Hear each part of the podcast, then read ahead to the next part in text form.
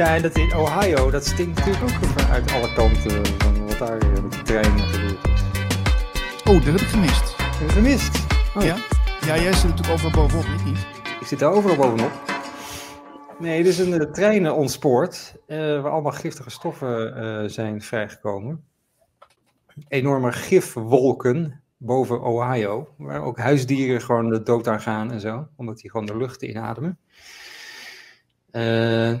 Heel vreemd verhaal ook weer. Oké, hmm, oké. Okay, okay. Nou, misschien, misschien is, zijn er ook wel dat soort rare gebeurtenissen gebeurd ver, ver voor onze jaartelling. Daar kunnen we het zo maar even, even over hebben met Jan Ott. Want Jan Ott is bij ons te gast. Jan, welkom in de show. Dankjewel, Niels. Jan, je hebt iets heel bijzonders uh, gedaan, vind ik. Je bent bezig geweest met een vertaling van, een, een, ja, van oude geschriften die gevonden zijn. Dat heeft geresulteerd in dit mooie boek, uh, de Oeralinda Codex. En ik heb het boek net uit. Echt waar, ik heb het gisteren uitgelezen. Mm -hmm. Het laatste stuk over Friso was ook heel interessant. Um, dus, uh, maar goed, ik, ik, ben natuurlijk niet de expert, maar ik ben gewoon uh, de, de, de, interviewer vandaag. Um, kun, kun, jij even, Jan, kun je vertellen uh, hoe jij bij dit boek bent gekomen? Ik was al op zoek naar, naar informatie over met name de godin, godin, dacht ik, Freya. En andere informatie over voorchristelijke mythologie of überhaupt informatie ik had al veel nagedacht over het oorsprong van taal. En, en met name dan de, de overeenkomsten tussen de, ons welbekende talen, Engels, Duits, Nederlands. En ik kende zelf ook wat Zweeds. Ik vond het heel fascinerend. Toen ik een vertaling hiervan vond, ben ik gelijk de, de oorspronkelijke taal ook gaan lezen, omdat ik dat het meest interessant vond. En de discussies hierover waren zo vreemd. Er zaten zoveel drogredenen in. Dat ik. Ik vond het heel fascinerend. En omdat niemand verder daar uh, op dit moment mee bezig bleek te zijn. Op dat moment, dat was 2009. Bijna 14 jaar geleden. Um, ja, ben ik daar zo geleidelijk aan steeds meer uh, mee bezig gegaan. En toen er steeds meer discussies kwamen op een internetforum in het Engels had ik ook steeds meer behoefte aan een goede Engelse vertaling. Want de vertaling die er was, daar zaten zoveel fouten in of dingen die ik steeds wilde verbeteren. Was ook niet echt toegankelijk, niet makkelijk om de oorspronkelijke taal steeds daarbij te vergelijken. Dus ik had zelf grote behoefte aan een uh, goede bron om naar te verwijzen. En daarom heb ik vooral, uh, daarom heb ik dan eerst een Engelse vertaling gemaakt. Het is natuurlijk, als dit authentiek is, ook veel meer dan alleen uh, relevant voor, voor Nederland of, of sommige mensen denken Friesland, maar ja, het is voor de hele westerse beschaving zo'n interessante bron. Maar zelfs ook in Noordwest-India en in het hele Middellandse zeegebied liggen zoveel wortels hierover. Hiervan. Ja. Waar, waar, kom, waar, waar, komt het vandaan? Wanneer is het gevonden en, en door wie? Ja, iemand had het in zijn familie en die zei dat hij het vanaf 1848 in bezit had. En dat het al bij zijn grootvader vandaan kwam en vermoedelijk nog veel verder terug. Eh, die heette Over de Linden.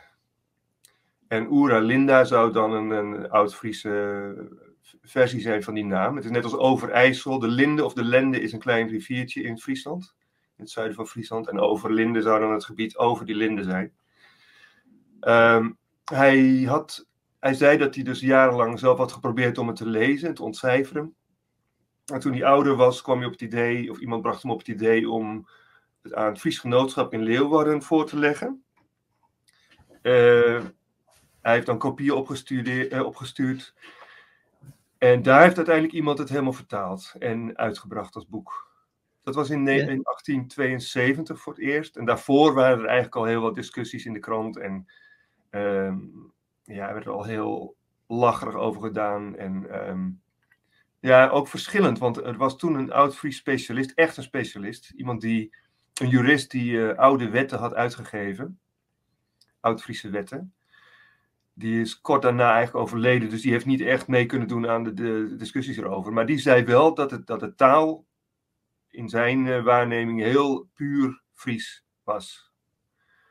En daarmee is eigenlijk al een van de argumenten die later gebruikt werden om het... Uh, om het belachelijk te maken. Uh, het was een pamflet in 1876 door een leraar Engels, die daarna gelijk hoogleraar werd aan een universiteit. Die had als, dat had als titel de onechtheid van het Oeralinde-boek als aangetoond uit de wartaal waarin het is geschreven, zoiets. Nou, dus het is dus duidelijk geen wartaal. Ik denk zelfs dat de taal een van de beste argumenten voor de echtheid is. Ik ga me daar meer uh, op richten om te laten zien hoe mooi die taal eigenlijk is. En vooral ook niet alleen voor, voor Fries en Nederlanders, maar ik hoor dat Scandinaviërs vrij snel het kunnen begrijpen en Duitsers ook.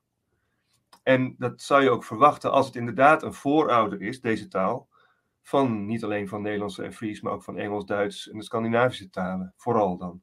En want soms kom ik ook woorden tegen die, uh, die in het Latijn of in het Oud-Grieks ook daarop lijken, maar dan duidelijk toch een verbastering zijn van het woord in deze taal. In deze taal is dan echt de pure vorm. En omdat ik jarenlang ah, als, als vanaf, vanaf mijn tienertijd stamboomonderzoek heb gedaan, denk ik vaak in termen van wat stamt waar vanaf. Hè? Wat, wat komt eerst en wat komt daarna. En dan, uh, ja, dan kun je eigenlijk door logisch redeneren vaak zien dat dit de meest pure vorm is van, uh, van deze talen. En uh, ik ben zelf meer, ik heb wel gymnasium gedaan met Grieks als eindexamenvak. maar verder was ik veel meer met wiskunde bezig, vond ik veel, begreep ik veel beter door dit boek ben ik veel meer van taal en van geschiedenis gaan begrijpen. Maar ik bekijk het dus ook met iemand die niet is uh, geïndoctrineerd met allerlei theorieën over taal en over geschiedenis. Met een frisse blik misschien, en heel analytisch, heel, vanuit logica. Wat is logisch of wat. Bijna mathematisch, denk ik. En dat zag er zo uit. Ja, dat zijn de twee meest bekende bladzijden, met, waarin wordt uitgelegd hoe de letters uit het zespakig wiel zijn gevormd. En ook de cijfers. Maar um, in het handschrift zelf uh, zijn die letters niet zo geometrisch als in dit overzicht. He, dit geeft alleen aan hoe ze oorspronkelijk uit het zespakig wiel zijn afgeleid. En iemand heeft, uh, een Deense vrijwilliger heeft onlangs, ja, vorige week, een uh, lettertype, een font afgemaakt. En dat is nu ook gratis te downloaden vanaf de website. En dat is een prachtig uh, hulpmiddel om die taal meer bekend te gaan maken. Om video's te maken waarin ik de taal uitleg. Hoe de klanken waarschijnlijk zullen zijn geweest. En ja, hoe de grammatica is en zo. En, ja, ik, dus het kan heel leuk zijn voor Noord-Europese, Noord-Europeanen om in deze taal met elkaar te gaan communiceren. Want kijk, het is, nu moet iedereen Engels leren eigenlijk om met elkaar te kunnen praten. Maar dan kan iedereen deze taal leren. En dat is dan de moedertaal denk ik zelf, en denk ik veel meer mensen, van onze eigen talen. Is, is het, nou, is, het een, is, is het een simpeler uh, taal? Is het, is het, is het, het is minder letters en, en, uh, en ja, minder woorden ook in een zin om iets duidelijk te maken, of is dat niet zo?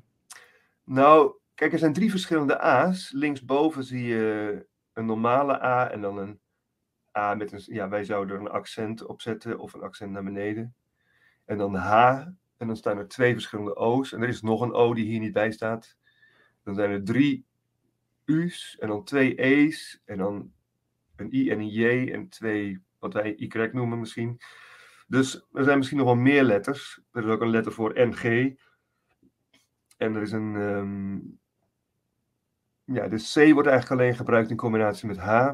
En dan is er X. En dan was er nog een letter. Uh, dus, dus DZ. Eh, of zoals de Duitsers de Z uitspreken. Die staat hier ook niet bij. Dus ik weet niet of er minder letters zijn. Ehm, de klank. Uh, dus het is eigenlijk geschikter om het Oud-Fries in te schrijven, zei die specialist toen.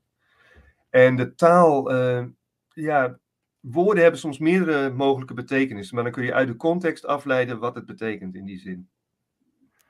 Maar het is, het is misschien mak makkelijker, uh, omdat je zegt van als we daar eh, weer actief in gaan schrijven, dan is het misschien een makkelijkere taal om, uh, om te leren, omdat het uh, simpeler in elkaar zit. Ja, dat denk ik wel. En het kan om te beginnen al heel leuk zijn om de taal wat te zuiveren. Hè? Om, er zijn voorbeelden van leenwoorden die wij soms gebruiken, terwijl het oorspronkelijke woord veel meer betekenis voor ons heeft. Hè? Als voorbeeld het woord respect nou ja, dat komt van re en spect is uh, kijken, dus het betekent eigenlijk herzien of zoiets. Maar eerbied, dat is het oude woord wat ook in deze tekst voorkomt. Eerbiadnisse, dus eerbied. Dat heeft een duidelijke betekenis. Je biedt iemand eer aan, of je, hè, snap je? Zo zijn er meer voorbeelden waarbij eigenlijk. Uh, ik ga eens proberen om, een, om, om, een, om video's te maken waarin ik in een vorm van Nederlands spreek, die het meest dicht ligt bij deze oude taal. Door zo min mogelijk leenwoorden te gebruiken en zoveel mogelijk oorspronkelijke woorden. En ja, ik vind het zelf wel veel uh, mooiere taal. Het, voor de allereerste editie van het boek had ik heel veel moeite om een voorwoord of een inleiding te schrijven. En uiteindelijk heb ik in deze oude taal een soort brief uh, geschreven. En dat ging me, vond ik veel leuker om te doen. Het ging ook makkelijker. Ik zou bijna in deze taal kunnen denken uh, of, of zelfs dromen. Ja, het is, het is heel levendig. Als je het, uh, die, die teksten, er zit, er, zit, er zit er een soort bezieling in, vind ik. het, en ik, even terug naar de basis, want heel veel mensen die, die kijken dit programma en die denken van, oké, dit is allemaal mooi en aardig, maar uh, uh, kun je even vertellen wat er nou, wat, wat er in de grote lijnen in staat, Jan, in dit grote boek? Mm -hmm. het begint dus met twee brieven, die, die zijn gedateerd op midden 13e eeuw en begin 9e eeuw die van midden 13e eeuw, dat is iemand die schrijft van hè, ik heb het allemaal gekopieerd, want het oorspronkelijke handschrift was nat geworden, viel uit elkaar. Je moet hier goed uh, oppassen, je moet heel zuinig op zijn. Pas op dat het niet in de handen van monniken komt. Want die proberen alles te, van ons, onze oude geschiedenis te, uit te vagen en zo, heel herkenbaar. maar dan als het, de teksten zelf het begint met een heel stuk wat zich afspeelt in de zesde eeuw voor onze jaartelling, wat volgens mij minder lang geleden is, minder lang dan 2600 jaar. Ik denk ergens tussen, ergens rond de 1500 jaar geleden in werkelijkheid.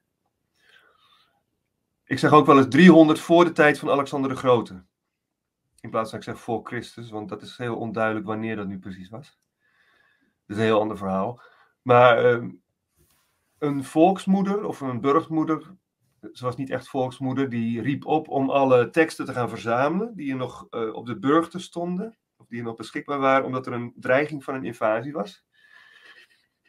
En dat waren uh, voor een deel uh, alle wetten, of een heel groot deel van de wetten, en ook de oude geschiedenissen, waarbij de alleroudste ging over het verzinken van Altland of Atlant. En dat was ook hun tijdrekening, zoveel jaar na het verzinken van Atlant. Um, dan zijn daar later nog teksten aan toegevoegd. Tot en met uh, 300, uh, ongeveer 300 jaar na de tijd van Alexander de Grote.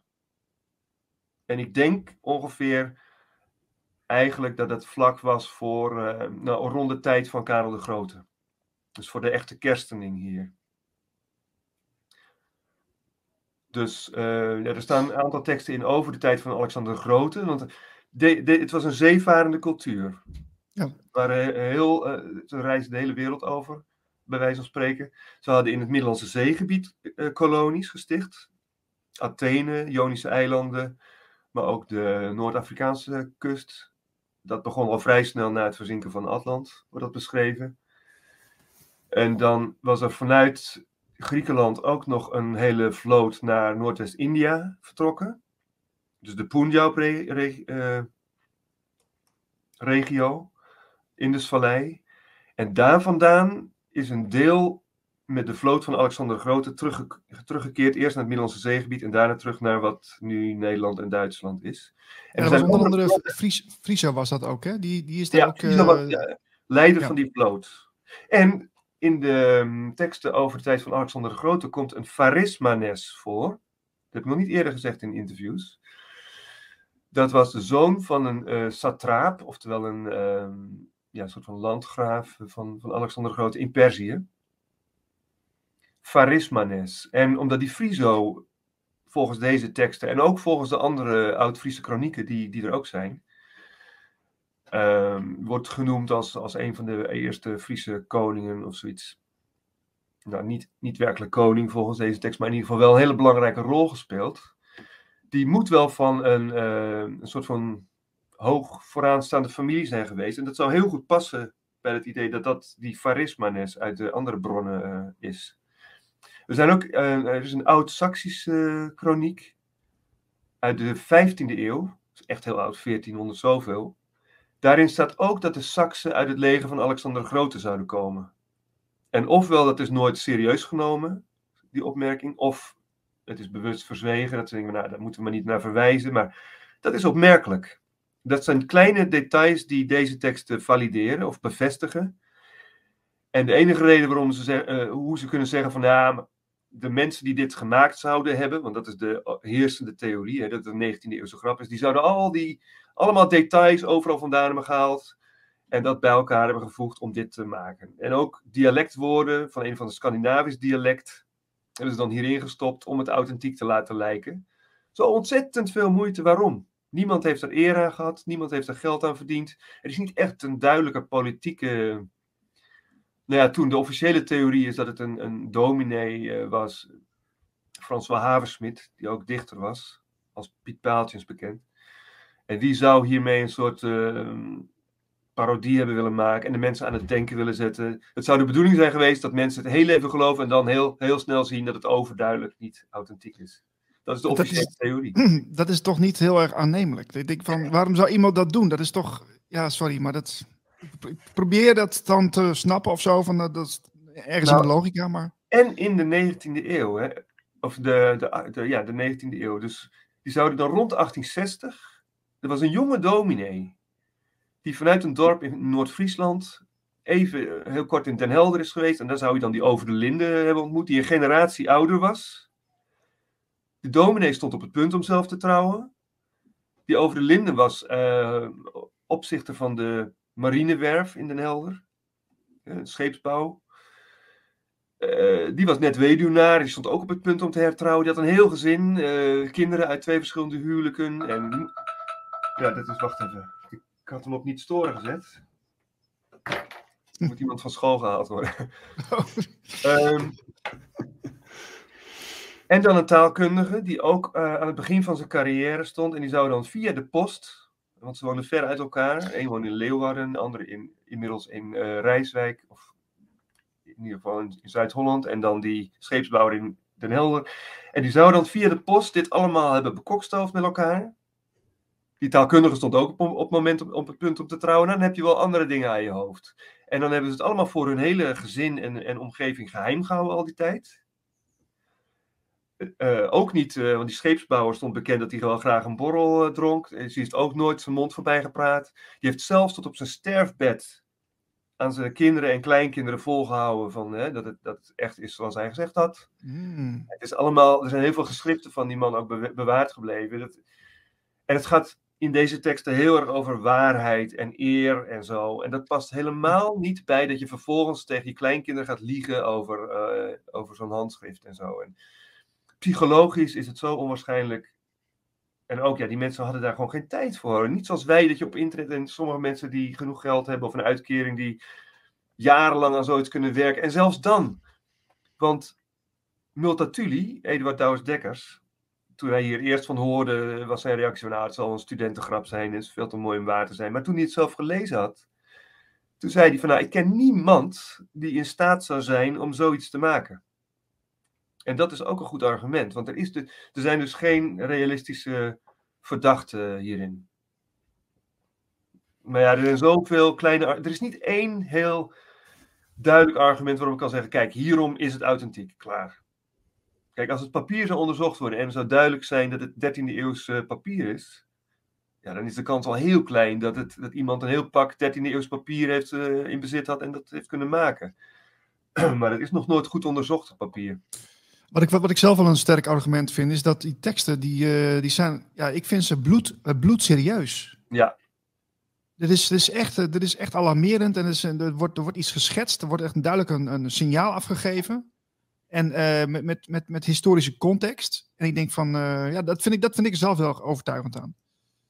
Ja, vind ik ook. En er zijn ook echt wel dingen die niet passen in die, die theorie van die dominee en die taalkundige.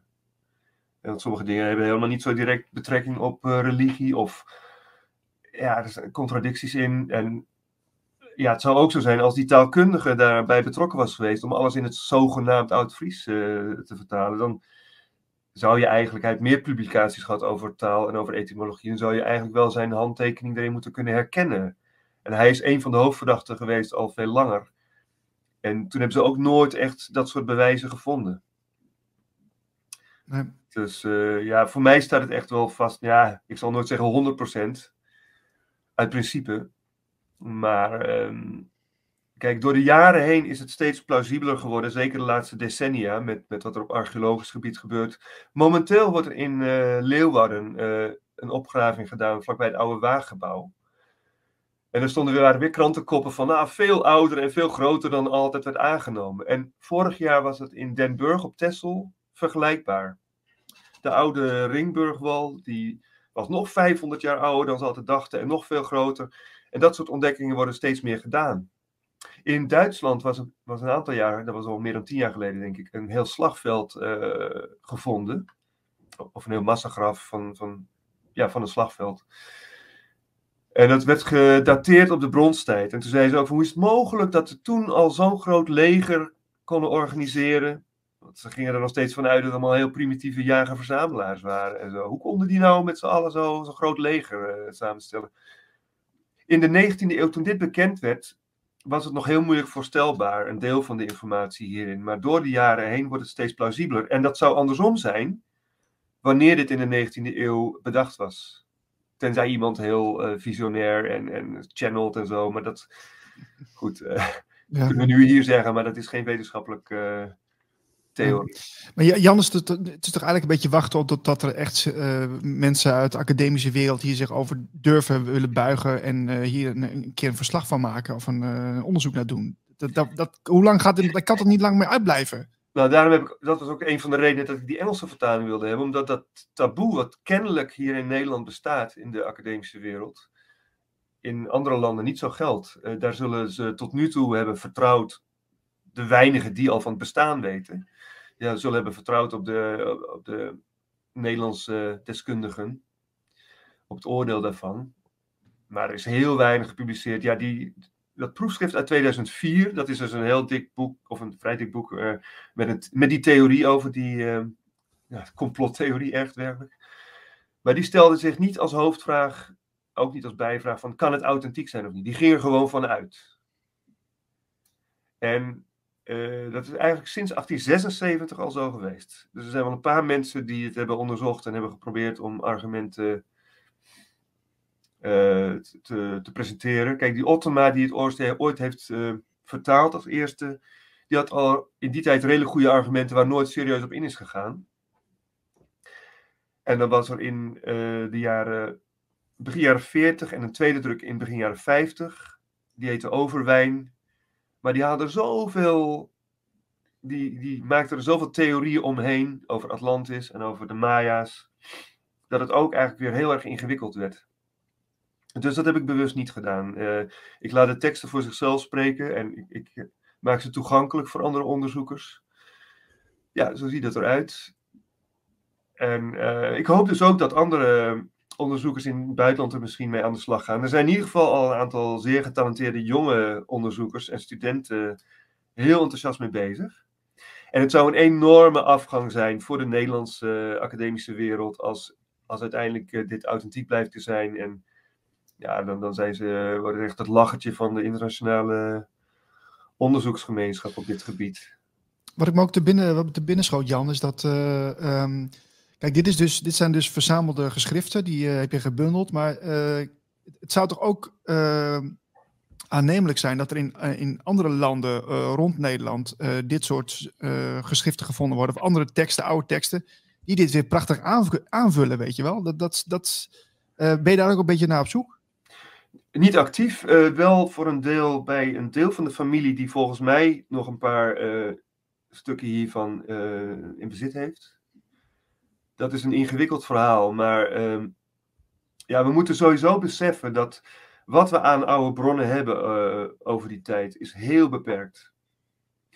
Dat is echt een fractie van wat er ooit is geweest. En wat er bekend is en wat toegankelijk is, is ook nog maar een deel van wat er bestaat. Want er zijn uh, geheime archieven, bijvoorbeeld van, van het Vaticaan. Maar ook uh, hele rijke verzamelaars die in hun eigen bezit van alles hebben. Dat is al een paar honderd jaar zo, dat, dat het een heel, heel aantrekkelijk is om dit soort geschriften te verzamelen. Dus de mensen die het meeste geld hebben, hebben, zijn hier altijd, hebben hier altijd op geaast. Dus uh, in privécollecties en voor een deel geheime archieven.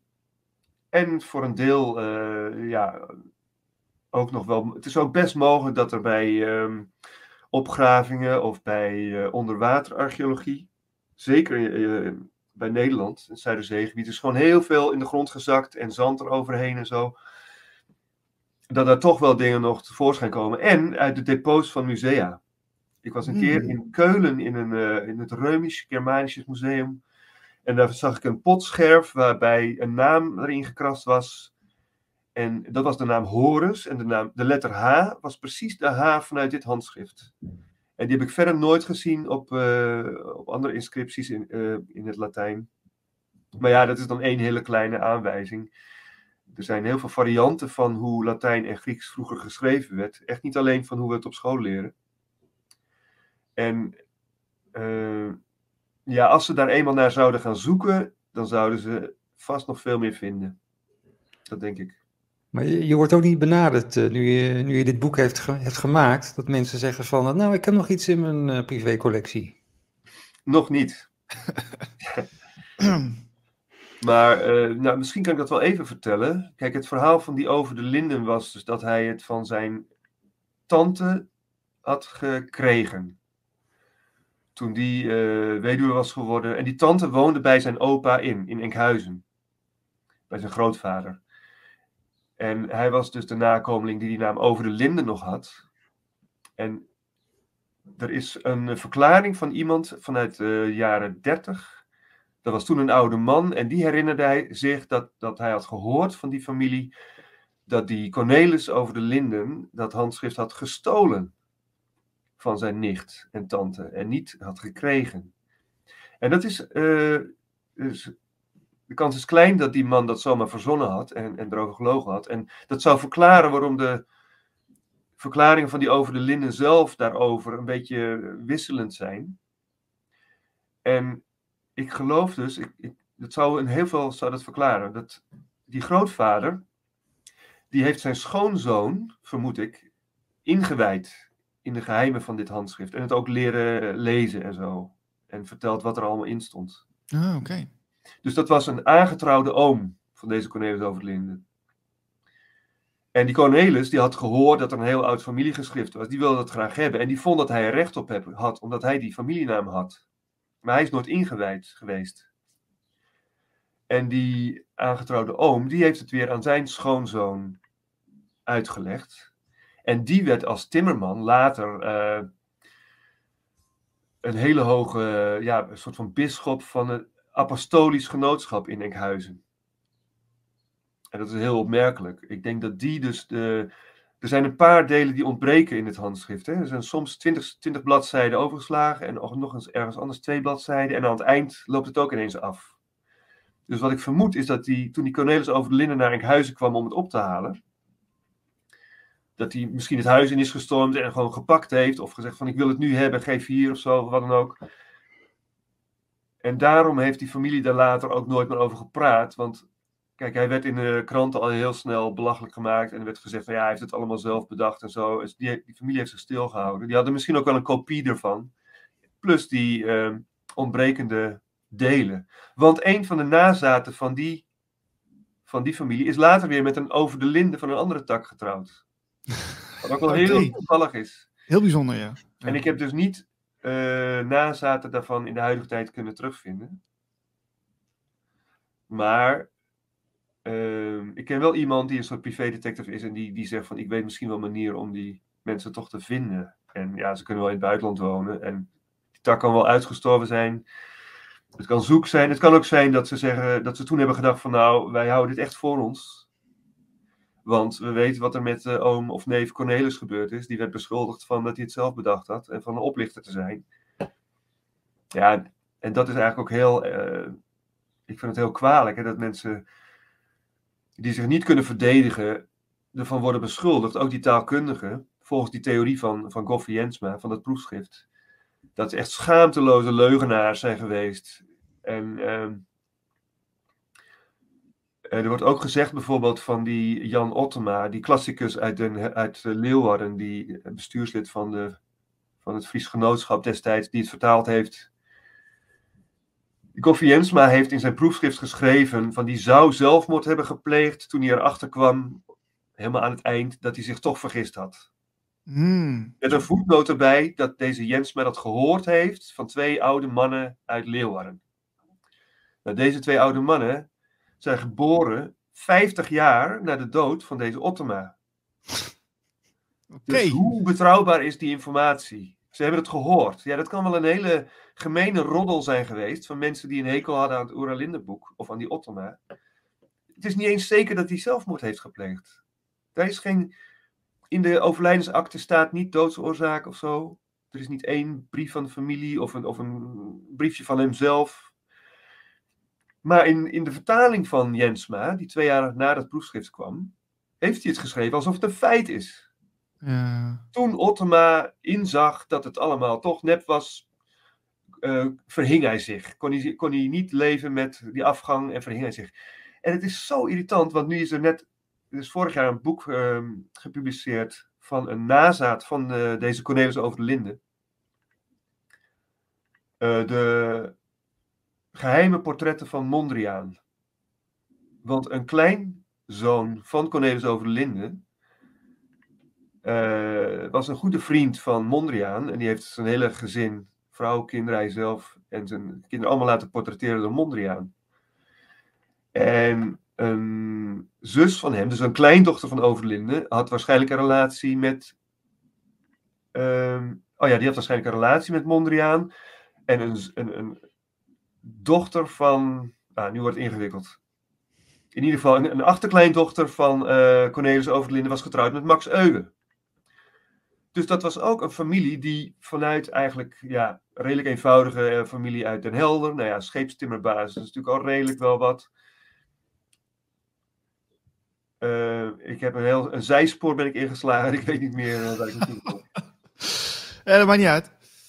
Maar, oh ja, ja, dat boek, die, die nazaat van Cornelis Overlinde, die schrijft het dan ook weer zomaar over. Eh, van Ottema werd gek toen hij erachter kwam dat het toch nep was en, en toen heeft hij zichzelf opgehangen.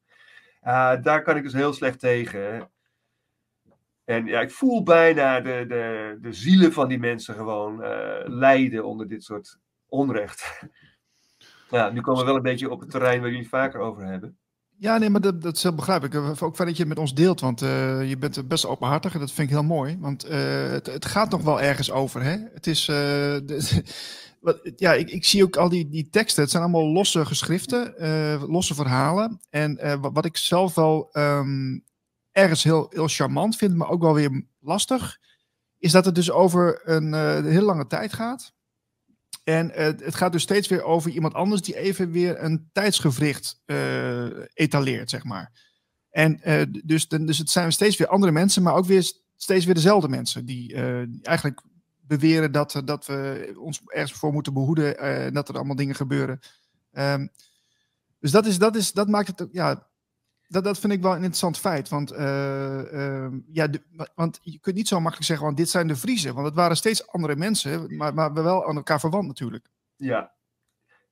Ten eerste over die eh, chronologie in de, tussen de teksten. Ik heb nu eh, op de website, er is een deel, dat, dat, het adres is wiki.oeralinde.org. Daar heb ik nu de hele nieuwste versie van de Engelse vertaling eh op staan. En dat is heel makkelijk te navigeren, ook die chronologische leesvolgorde. Dus je kunt de, de, de volgorde van het boek volgen, maar je kunt ook de chronologische volgorde, waarbij de teksten die bij dezelfde periode horen, meer in volgorde zijn gezet. Daar is ook al een begin van een eh, wiki waarbij de hoofdpersonen en plaatsen, dat je die kunt opzoeken en ehm, daar informatie over kan zien. Dus dat wordt een, een bron. Ja, het is niet zoals een, eh, een roman of een, of een historisch boek met een begin en een eind en je leest het en dan weet je het. Nee, nee. En dat is ook leuk. Dat vind ik ook leuk. Dat vind ik het leuk aan. Want, want je moet ook een beetje zelf nadenken. Je wordt een beetje uitgedaagd. Oké, verplaats je nou eens even in die tijd. En wat, wat wordt hier nou gezegd? En eh, ja, dat vind ik eigenlijk wel. Het is ook een beetje een soort, soort mysterie en, en, en spannend eh, eigenlijk ook wel. Ja, en dit zou je ook verwachten als het inderdaad verschillende teksten van verschillende auteurs van verschillende tijden zijn, die bij elkaar zijn gevoegd. Dan is dat niet uh, chronologisch en dan heeft dat niet een volgende. En dan heeft het ook verschillende stijlen, want dat is ook nog zo. Tussen de teksten is een duidelijk onderscheid tussen sommige teksten in spelling, woordkeus, stijl. Ja, en dan zullen ze zeggen van ja, het is allemaal gedaan om de illusie van authenticiteit nog meer te versterken. ja, en hoeveel mensen zouden er in de 19e eeuw die oorspronkelijke taal lezen? Die lezen natuurlijk alleen de vertaling. Dus ja, dat is ja, inderdaad bijna lachwekkend. Wat is, wat is nou de link met uh, Atlant of Atlantis? Ja, dus dat is, was in ieder geval hun uh, referentie van tijd. En dat is al op zich wel bijzonder. Want je gebruikt een geologische gebeurtenis die op de hele wereld heeft plaatsgevonden als, als, een, als een startpunt van je tijd. En niet zoals wij de geboorte van Christus, en we weten niet eens wanneer hij precies geboren is en of die teksten wel allemaal. Dus, dus het, het is eigenlijk meer zinniger om zo'n soort punt te gebruiken als een referentie van tijd. Uh, maar het is niet uh, zo dat zij van, van Atlantis afstammen, volgens deze teksten. Ze suggereerden eerder dat een ander volk, de Finna's, daar vandaan kwamen. En dat ze door het verzinken van dat land eigenlijk uh, een bedreiging werden, want ze kwamen nieuw land zoeken. En toen kwamen er die invasies en zo. Ja, want het Atlant stond ook voor het oude land, hè? En ja, dus, dat dus, dus het oude land, het alt land. Dus dat weet, we weten niet waar het was. Nee, en het kan ook betekenen dat het gewoon de oude wereld was. Hè? Eh, toen deze teksten voor het eerst werden verzameld, toen was het al 1600 jaar geleden dat het land verzonken was. Dus moet je je voorstellen, wat weten wij van 1600 jaar geleden? Uh, vierde eeuw, vijfde eeuw, de Goten. Dat is nog zoiets. Je, je zijn het de Friese. Ze noemen zichzelf de Vrija's. Of Vrija's kinderen, Vrija's volk. Het is duidelijk dat, dat het woord Friese en Friesland, Vrijheidsland, uh, daarvan afgeleid zou zijn. Maar uh, de goten, wat we weten van de goten, en dat is ook maar heel weinig. Er is ook een bron van Jordanes, de Getica. Uh, daar zijn de namen van een aantal koningen perfect vanuit deze taal uh, te verklaren. Sommige namen komen hier zelfs ook in voor. En misschien waren het zelfs dezelfde mensen. En dat speelde zich dan veel meer af uh, in het, in het oosten van Europa, zuidoosten. Maar het is best mogelijk dat het toch hetzelfde volk ook was. Die gewoon verschillende namen had. Net zoals uh, de, de Germanen, de Saksen, de Duits. Wij zeggen Duitsland en Duitsland. En in het Engels zeggen ze Germany. En in het Fins zeggen ze Saxa. Dus er zijn er verschillende namen voor hetzelfde gebied en voor hetzelfde volk. En dat gold toen ook al. Ja. Wat, eh, wat voelde jij bij het lezen, Niels? Um, goeie vraag. Ja, er zit, zit, zit wel een lading op. Dat, dat, dat kan ik wel, uh, wel bevestigen. Dat het, het, het leeft. Het, is, uh, het vertelt meer dan alleen maar. je zit er helemaal in gelijk. Je wordt erin meegezogen. En het is, het is maar wat ik al net al zei, het, het, laat jezelf ook nadenken. Want je wordt eigenlijk in een soort episode wordt je ingesleurd. Echt in een soort tijdsgevricht. En, da, en, daar en da, da, alsof je er eventjes in staat zelf. Dat je even mee mag kijken van... hé, hey, wacht even, als dit gezegd wordt... wow, uh, wat, wat, wat, betekent dat niet voor, voor, voor de rest van, van, van het hele verhaal? En dus het is wel, ik vind het meest slepend eigenlijk. En het, is, het zou heel mooi zijn als dit een mooi vervolg krijgt in de toekomst... van ja, ik, zou graag een film willen zien of een serie of zo. Dat lijkt me echt fantastisch. Of, ook al, dat kan, bij elk geschrift kan, kan er een heel mooi, uh, mooi verhaal bij worden uh, gemaakt. Dus het, is echt heel veel, het heeft heel veel potentie. Dus dat, uh, ja. Ik kan u ook verklappen dat er iemand is die erover denkt om een soort kinderboek te maken. En niet per se met alles wat hierin staat, maar de meest geschikte dingen, of dingen die je ook aan kinderen kan uitleggen en op een eenvoudige manier. Zoiets zou ook ontzettend leuk zijn. En inderdaad, en wat ik met die taal wil doen, is, uh, neem ik me al heel lang voor, video's maken waarin ik in ieder geval die taal ook toegankelijker maak. Uh, ja, van sommige scènes uit het boek zou je prachtige verfilmingen kunnen maken. al is het maar van een, van een filmpje van 10 minuten of van een kwartier of zo. En, maar ook zeker, er zou zeker ook een speelfilm gemaakt kunnen worden. Wat, wat leren we nou van, uh, van deze geschriften, Jan? Als je het gewoon even uh, van een afstandje bekijkt, wat, wat wordt hier nou eigenlijk gezegd?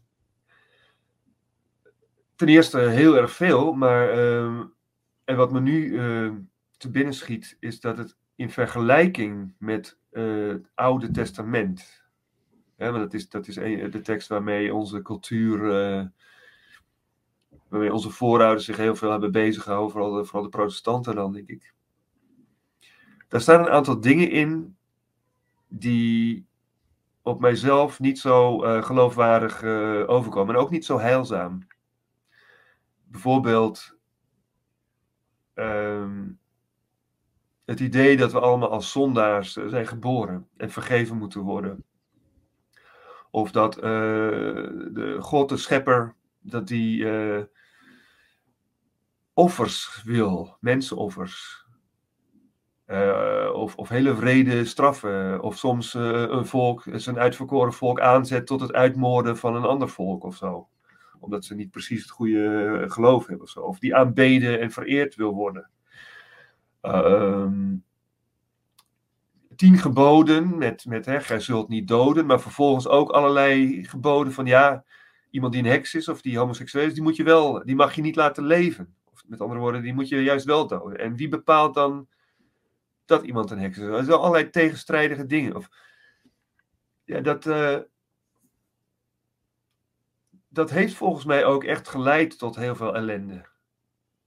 Of heel veel geestelijk leed ook. Hè? Mensen die toch proberen dat allemaal op een rijtje te zetten. En, vaak heb je daar ook een dominee voor nodig om, om toch allerlei van dat soort kromme dingen weer goed te praten. Terwijl deze teksten eigenlijk heel. Uh, van wat hier beweerd wordt, is heel duidelijk te herkennen als waar, als logisch. Uh, dingen die gewoon een twaalfjarig kind kan begrijpen. Ja, maar er zit ook best wel wat spiritualiteit in, is me opgevallen. Ja. Uh, en ook, uh, dus, dus vooral daar wordt dan gezien, hè, de, de, waar alles uit voortkomt. De, ja, de, de, Oeralda, dus de oeroude, oeralda. En het woord wereld zou er ook vanaf komen. En ook, en ook wat, een, een van die teksten stond ook iets uh, wat, wat doorgaat voor alles, alles zit in jezelf, weet je. En soortgelijk iets hoor. Maar ja. dat haal ik er ook uit. Ik vind ja, er zit zoveel kennis, kennis in. Dat wisten ze dus toen al. Uh, ja, dat is, ja, dat is voor, voor iedereen is dit, is, is dit een, een, een, een, ja, er zit zoveel lering en wijsheid in. Ja, wat je net zegt, zal ik even verduidelijken. Ze zeiden dat dat wat goed en wat kwaad is, kan je in je hart uh, voelen als je niet bedorven bent. Dus Kijk, dat is mooi. bedorven bent. Ja. En daar heb je dus ook niet, heel veel van die geboden zijn zo vanzelfsprekend. Ja, gij zult niet doden, gij zult niet stelen. Uh, iemand die normaal goed is opgevoed, die weet dat ook. En een, een grappig detail wat hierin staat bijvoorbeeld, als iemand heel slecht was, dan werd hij niet alleen zelf gestraft, maar ook zijn moeder omdat zijn moeder hem kennelijk niet goed had opgevoed. Ja, en het was ook heel, uh, eventjes, toch eventjes weer verder te gaan op de inhoud. De, de, um, die Friese, om ze, om ze maar even zo te noemen, ja. die hadden ook hele duidelijke um, afspraken van oké, als je ervoor kiest om um, uh, niet meer bij ons te horen, dan, dan kan uh, vrijheid kan niet meer over jou waken. En als je dan besluit om bij, bij, bij een ander volk mee te gaan, of met een, andere, met, met een vrouw te trouwen van een ander volk, dan kun je, kun je eigenlijk niet meer terugkeren. Ja, dus dat mocht wel. Als een dochter of een zoon uh, met iemand van een ander volk uh, verder wilde, dan moesten ze eerst uitleggen dat dat geen goed idee was. Maar uiteindelijk hadden ze wel die vrijheid. Maar dan mochten ze dus niet terugkomen. Dat staat dan in de, de primaire wetten. En ik weet niet of die altijd hebben gegolden tot en met het einde. Vrijheidstekst, hè? Dat is, daarin staat dat en dat vrijheid niet over je mag waken, dat staat daar inderdaad in. Als je vrijheid opgeeft. Of, dat, of de vrijheid van een ander neemt. Ja. En dat vrij zijn, uh, dus je eigen meester zijn. En dat is ook uh, belangrijk. omdat die slavenmentaliteit, die ze heel erg hekelden. Die leidt ertoe dat een klein, kleine groep mensen heel veel macht krijgt. Steeds meer macht. En het is ook heel makkelijk om je te laten zeggen wat je moet doen en wat je niet mag doen en wat je wel of niet mag geloven. Een deel van de mensen is zo. En dat leidt er dus toe dat een kleine groep steeds meer macht krijgt. En, en ja, macht corrumpeert, zeggen ze wel eens. En ik geloof dat dat waar is. En ik denk dat ze dat toen ook heel duidelijk zagen. Dat soort macht is niet gezond en leidt tot heel veel ellende. Dat was de reden waarom die vrijheid zo belangrijk was. Uh, en dus niet, uh, want dat staat dan ook in die tekst over vrijheid, dat ze haar kinderen zou leren deugden, maar ook zelfdwang. En dat betekent niet alleen jezelf bedwingen, maar ook jezelf motiveren. Ja. En als je dat kan, heb je geen meester nodig en dan wil je dat ook niet. Nee, precies. Wat ik nog wat me even te binnen schiet ook, uh, want uh, ja, ze waren zich dus heel bewust van uh, hè, dat je je laat inmengen door andere volkeren, dat dat je, je vrijheid kan ontnemen, dat het gevaarlijk kan zijn. Maar ja, dat, dat, hoe wisten zij dat dan? Want hadden ze dat dus al een keer eerder meegemaakt, zou je zeggen, voordat ze aan, aan het vasteland kwamen? Nou, het was een zeevarend volk, dus ze kwamen op heel veel plaatsen. En ze handelden ook wel met andere volkeren. En uh, soms konden ze zich ergens, uh, konden ze een, een, kolonie ergens beginnen. En dan in overleg. Hè, uh, een van de, dat was die Minno, of dat zou misschien Minos, koning Minos de oudere zijn geweest. Die zei van als je een stuk land of een stuk water graag wilt, wilt hebben, in, gebruik, in bezit, probeer het dan te ruilen. Je mag het nooit zomaar veroveren met geweld. Maar zo kwamen ze bijvoorbeeld ook bij Athene en ook op Kreta, was hij zelf dan geweest. En er staan een paar van dat soort ervaringen in. Van dat ze dan een tijd daar gewoond hebben, maar dan toch na een tijd, met, met name dan de priesters of de priestersprinsen die daar dan waren. Ja, dat was gewoon een hele andere mentaliteit, wat gewoon niet samenging, niet, niet paste.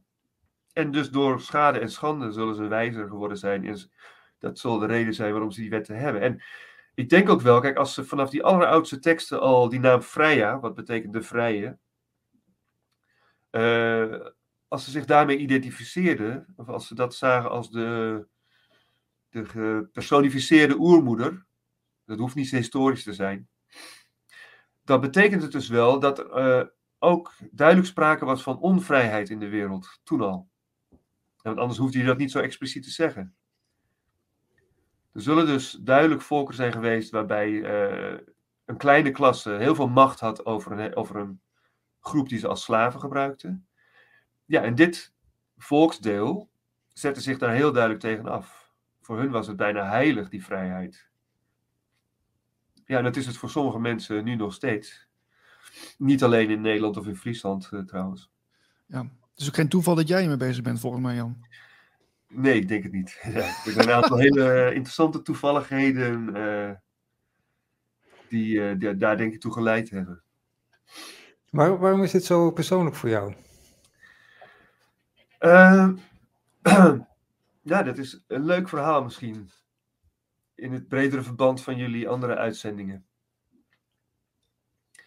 Uh, ik wist nooit goed wat ik moest gaan studeren. En ik was op de lagere school heel goed en dan naar gymnasium en zo. Maar vanaf de vierde, vijfde wist ik het niet meer. En uh, ik heb uiteindelijk wel een studie gekozen uh, die ik heel interessant vond. Uh, een beetje holistische kijk op, op de mens. Zowel fysiek als geestelijk. Bewegingswetenschappen, maar binnen die studie echt duidelijk vakken over bewustzijnsfilosofie uh, ja, de hele anatomie, ook biomechanica en zo. En, maar ja, ik had eigenlijk moeten promoveren om daarin verder te gaan. Ik heb het al afgemaakt.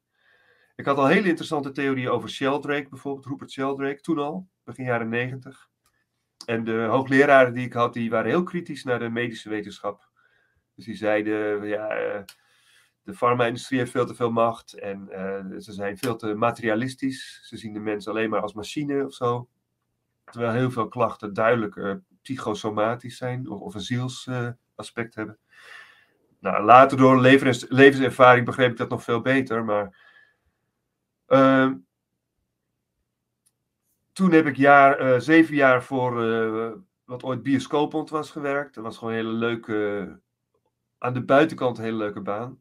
Altijd gratis naar de bioscoop, gala premières, op het eind ook omhoog gevallen en waarnemend algemeen secretaris. Dus woordvoerder en uh, leiding over het kantoor en zaken met het ministerie van OCW en zo.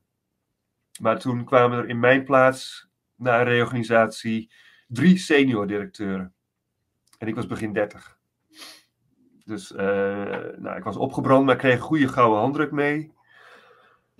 En toen had ik een, paar vrienden om me heen die wat meer uh, in de creatieve sector, uh, kunstenaars.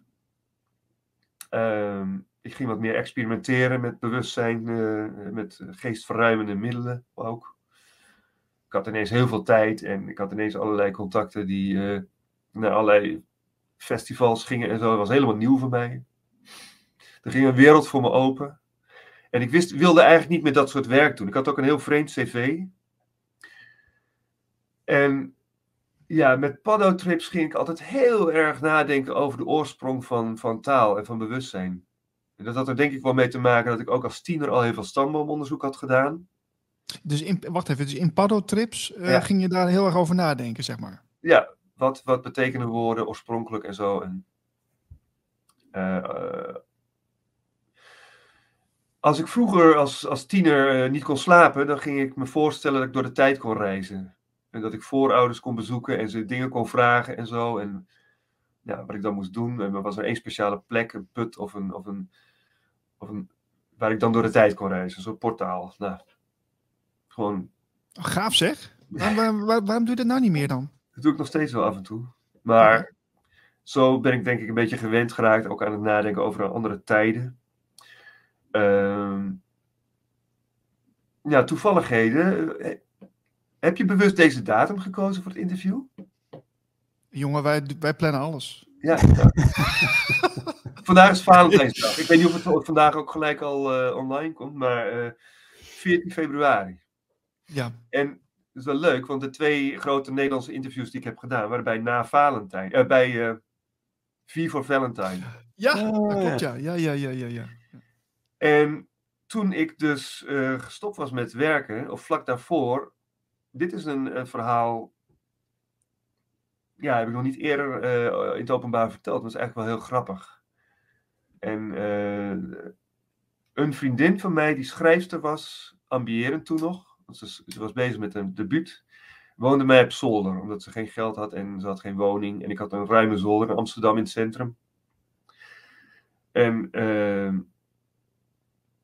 ze heeft daarmee uh, debutantenprijs gewonnen. En het boek heet Na Valentijn. En daarna, omdat ik zo zoekende was van wat moet ik nou doen en zo, en er ging een hele wereld voor me open op, op, op bewustzijnsgebied. Ik ging me ineens in andere lagen van bewustzijn, zowel hoger als, als lager, uh, ging ik verkennen. Ja, echt als psychonaut, maar ook al echt gewoon roekeloos. Een paar jaar lang. Zo. Ik ging heel ver, echt heel ver.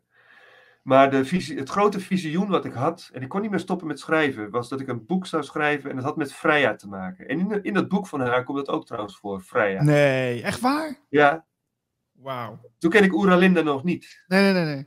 Maar in, mijn, in, mijn, uh, in het visioen wat ik had, uh, zou ik dus een boek schrijven dat met Freya te maken en het zou internationale relevantie of uh, krijgen. Nou, dat, was, dat kon je echt uitleggen als grootheidswaan. Ik was ook heel ongeduldig en ik, dingen die ik ge, geschreven had, begonnen ook te gebeuren. Op een hele rare manier. Ja. Uh, dat kan voor een deel uh, waan zijn geweest. Je kunt je vanzelf van alles wijsmaken en erin gaan geloven. En als je... ik, was, ik was duidelijk achteraf gezien in een fase van, van, van uh, verandering van, uh, van uh, wereldbeeld, zelfbeeld. Een soort van wedergeboorte, waarbij je hele oude ego loslaat. Oude patronen, oude trauma's en zo. En dan is er een fase waarbij je eigenlijk weinig houvast hebt met, met werkelijkheid. En het heeft een functie. Want daarna ga je alles weer opnieuw ontdekken en dan ga je alles op zijn juiste plek zetten. Het is net als het defragmenteren van een harde, computer, van een harde schijf. Mm -hmm, ja. Het installeren van een nieuw besturingssysteem. Ik had een heel oud, niet goed werkend. Uh, ik was jarenlang eigenlijk chronisch depressief. Toen ik ook die goede baan had en zo. En een huwelijk wat mislukte. Allerlei korte relaties. heel veel ging eigenlijk helemaal niet goed. En dat had echt wel te maken met hele, hele oude trauma's ook eh, wel. Maar, dus dit was een helingsproces. Maar omdat het vanuit de artsen in mijn familie en mijn omgeving, studievrienden, direct werd herkend als een, als een typische manie of psychose, werd ik ook direct in dat eh, hokje geplaatst en met de, met de bijbehorende medicatie daarbij. Vanuit mijn eigen achtergrond, eh, van mijn studie en, en wat ik wist van bewustzijn, wist ik, begreep ik dat dat niet, uh, dat dat niet de enige en niet de juiste kijk hierop was. Uh, en dat het duidelijk een heel, heel helend proces was. Maar ik ben er niet goed in begeleid. Ik ben erin tegengewerkt. En uh, ik heb in dat hele proces ook echt wel hele erge dingen gemaakt, uh, meegemaakt. Zoals uh, onvrijwillige behandeling gedwongen opsluiting, gedwongen medicatie. Echt, nou, twee keer in 2005 en twee keer in 2007. en bij een aantal van die keren was ik ook echt wel een beetje de weg kwijt. Maar ik heb het overleefd, ondanks deze zogenaamde hulp en niet dankzij. Want er waren ook een paar uh, jonge vrouwen die ik kende. Heel getalenteerd, heel intelligent. Die in diezelfde situatie terechtkwamen. En die hebben direct daarna uh, hun leven beëindigd.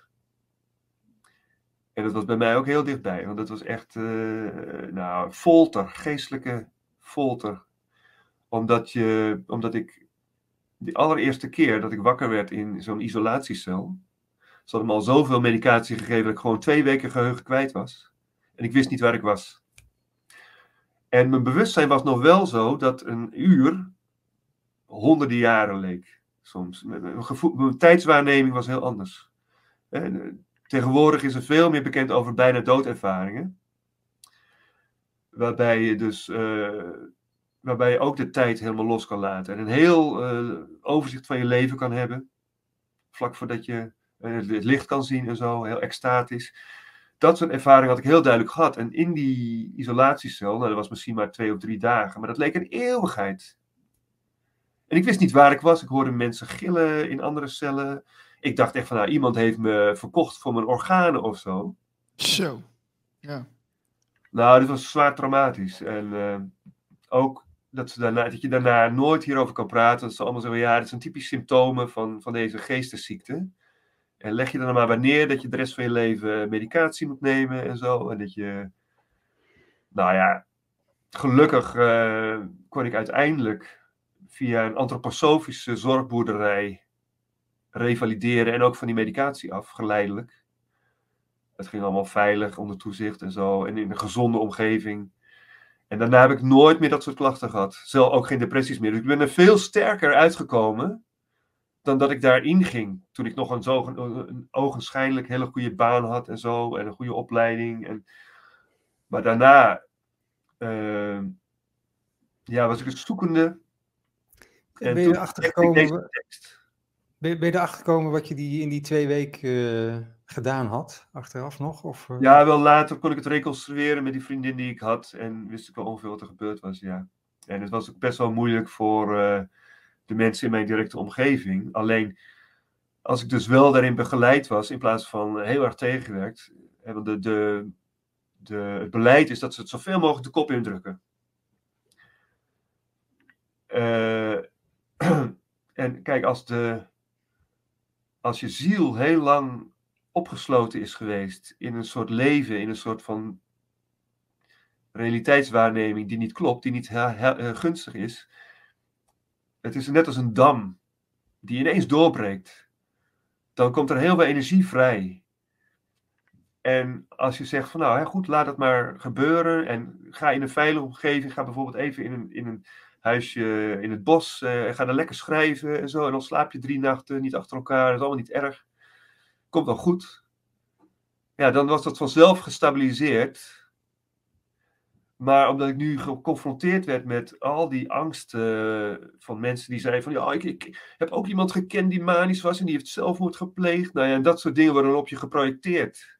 Ja. En dat is heel destructief en uh, schadelijk. Plus er is toch duidelijk wel een echt stigma. Want uh, ja, veel mensen die ik uit studententijd en zo, die wilden gewoon niks meer met me te maken hebben. Die, uh, ik heb daarna ook echt jarenlang als een soort kluizenaar, rondreizend vaak wel, geleefd ook. Maar eerst, die eerste twee jaar echt steeds meer blowen en steeds meer vluchten uit de dagelijkse realiteit. Omdat het zo deprimerend was. Hoe, daar, hoe ik daar niet, totaal niet over kon praten. Of meer, uh, ja. En dat hoor je dus ook van mensen die een bijna doodervaring hebben gehad. Hè? Die, nou, na zo'n ervaring kunnen ze soms heel moeilijk dat in hun leven integreren. En daarna, dus ik, ik kan het nu zeggen omdat het overduidelijk is dat ik hier, dat het ver achter me ligt, 20 jaar bijna. En ik heb nu vijf kinderen en een eigen huis hier in Drenthe. En inmiddels dit boek gepubliceerd. Dus uh, ja, maar over die toevalligheden. Hè?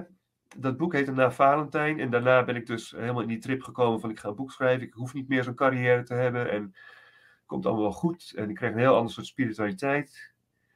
Ik ging uh, vertrouwen op, op, uh, op het lot. Of op, hè, dat op het goede moment het juiste gebeurt. En dat bleek ook altijd zo te zijn ik heb daarna een veel rijker leven gehad. En, nou ja, maar dat, dat Valentijn speelde dus wel een rol in de hele ontstaansgeschiedenis van, van nu dit boek. En ja, nog meer toevalligheden, wat, wat wel grappig is, dan. Uh, ik vroeg me altijd al af, wat betekent mijn familienaam eigenlijk? Ot, O-T-T. Ja, kennelijk duidelijk een Duits, uh, Duitsstalige naam. Een verre voorvader kwam ook rond 1730, 1720 als ruiter in een Nederlands regiment. Maar verder wat die naam betekent, geen idee. En toen in deze teksten, in het scheppingsverhaal, komt het woord Ot, maar dan gespeld O-D. Nou, net als God in het Duits ook G-O-T-T is, is het woord O-D in het Duits O-T-T geworden. En dat heeft alles te maken met, uh, met vruchtbaarheid en met uh, voortplanting. Dus ik ben letterlijk Jan met een korte achternaam. Nou ja, ik kwam er door deze teksten achter wat die naam betekende. En het wordt ook door andere dingen bevestigd hoor. Het woord odebaar is een oud woord voor ooievaar. En dat woord od, uh, ja, in de, oudste in de eerste vertaling werd dat ten onrechte gerelateerd aan Latijn odium, wat haat betekent. Jan, heeft, Jan uh, kan ik zeggen, of kunnen ja. we zeggen dat uh, na dat hele proces bij jou, dat de spiritualiteit jou ook wel heeft gered? Ja, zeker. Ja. Maar dat is gewoon zo'n duidelijke realiteit dat daar eigenlijk nooit ook twijfel aan is geweest. En daar komt bij, als je dus helemaal op jezelf bent aangewezen. En echt niemand meer om je heen hebt. En ik keek al geen televisie meer, las geen kranten meer en zo. Dus... En dan veel in de natuur lopen. En vooral, uh, ik was een half jaar in Australië. Waar ik heel veel in de natuur ben geweest. Ja, en dan komen de vogeltjes op je schouder zitten en zo. En uh, één dag uh, stond ik aan bij een baai. Gewoon een soort yoga te doen of qigong. En ik was op mijn manier bezig, heel intuïtief, met een soort heilzaam, heilend, helend werk of zo. Nou, ik kan erom lachen, maar um, de volgende dag of een paar dagen later, zei ze dat er voor het eerst sinds 30 jaar weer walvissen in die baai, jonge walvissen, weer waren gezien. Nou, dat soort dingen, ik heb zoveel van dat soort voorbeelden, maar ja, dan ontdek je dus dat. Uh, ja, dat wist ik van mijn studie eigenlijk ook al wel. Dat, je hebt je eigen persoonlijke bewustzijn. Maar vooral bij, bij, bij bijvoorbeeld vogels of vissen zie je dat ze als een zwerm of als een school vissen ook een gedeeld groepsbewustzijn hebben. Uh, en dat heb je als mens, die aanleg, of die, die mogelijkheid heb je ook. En dat, de Aboriginals weten dat toch heel goed. Die, die, en ook in het uh, Noors is een uh, werkwoord.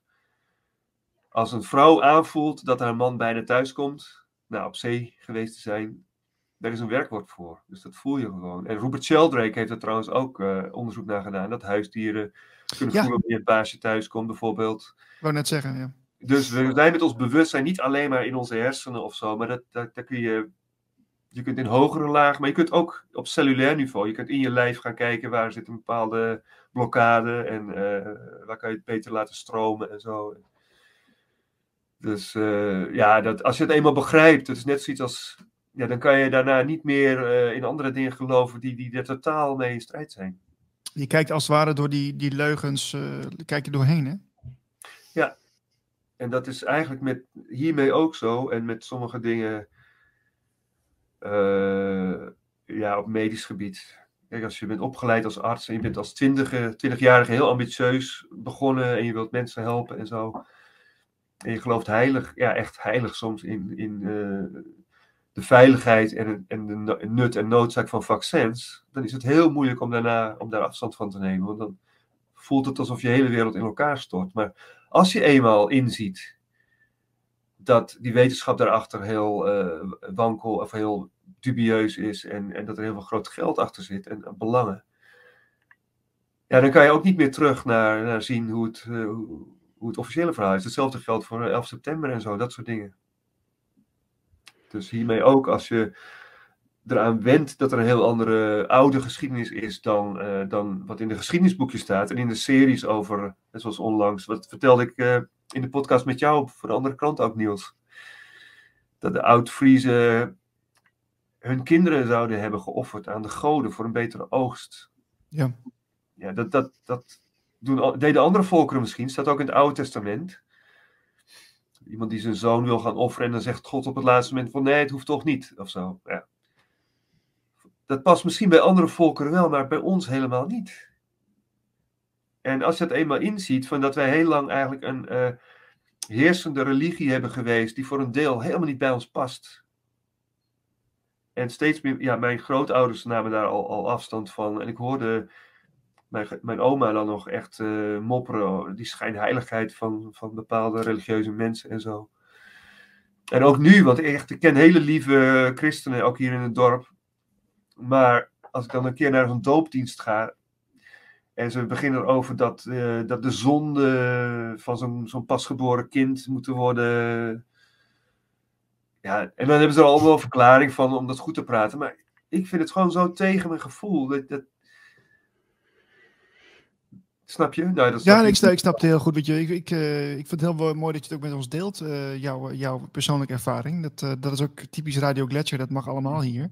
Ja. En ik, vind, ik vind het heel fijn dat je die, die vrijheid hebt gevoeld om dat te delen. Want, ja, weet je, ik was van tevoren eigenlijk niet van plan om, om zo persoonlijk te praten. Maar hier kan het. En ik denk dat het voor sommige mensen toch ook wel interessant is om te horen.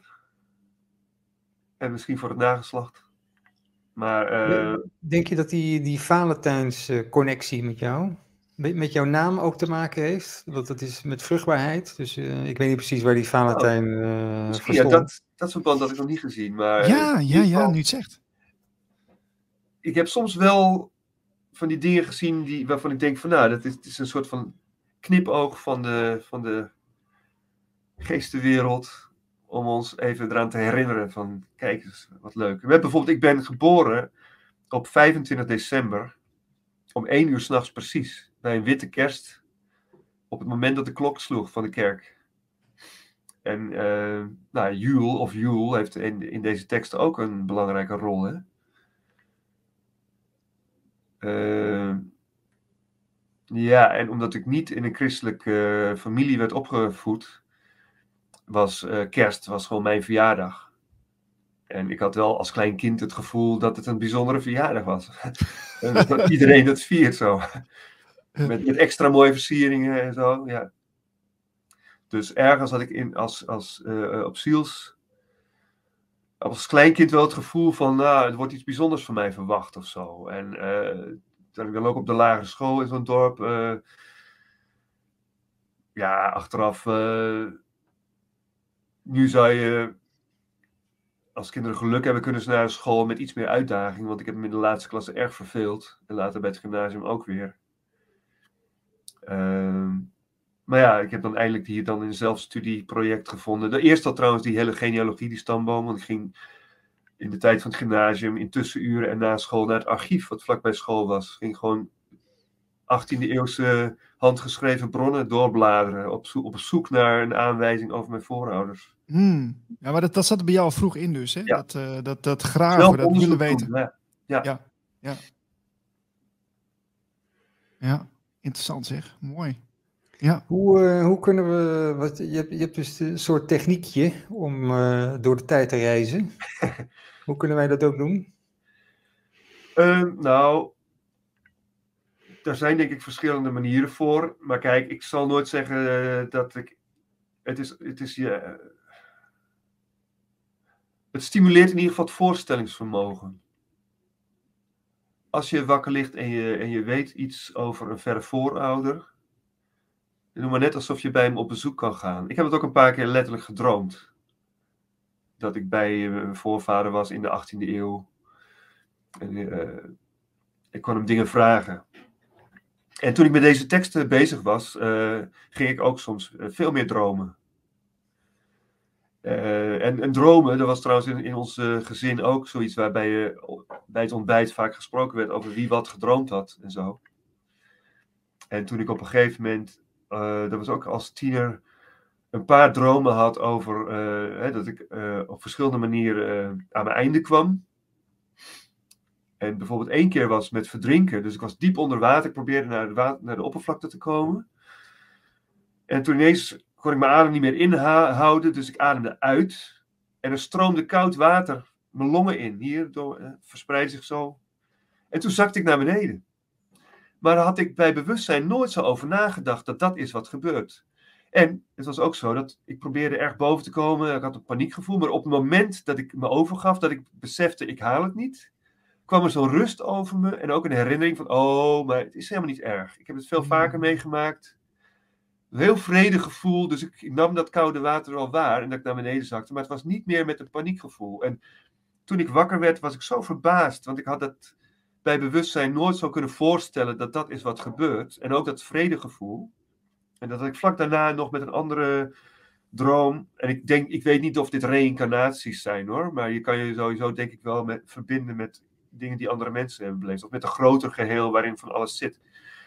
Uh, een andere droom van een, uh, een bombardement. En ik, ik, zag dat er. Uh, dat er een bom door, het was een hele grote loods, fabriekshal of zo, dat er een bom door het dak kwam. En in de reflex probeerde ik nog ergens achter te schuilen. Ik kreeg het heel warm van de adrenaline.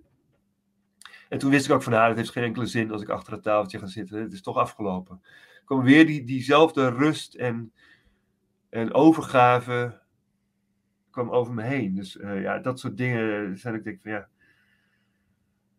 Uh, er is veel meer dan in ons eigen beperkte dagelijkse waakbewustzijn.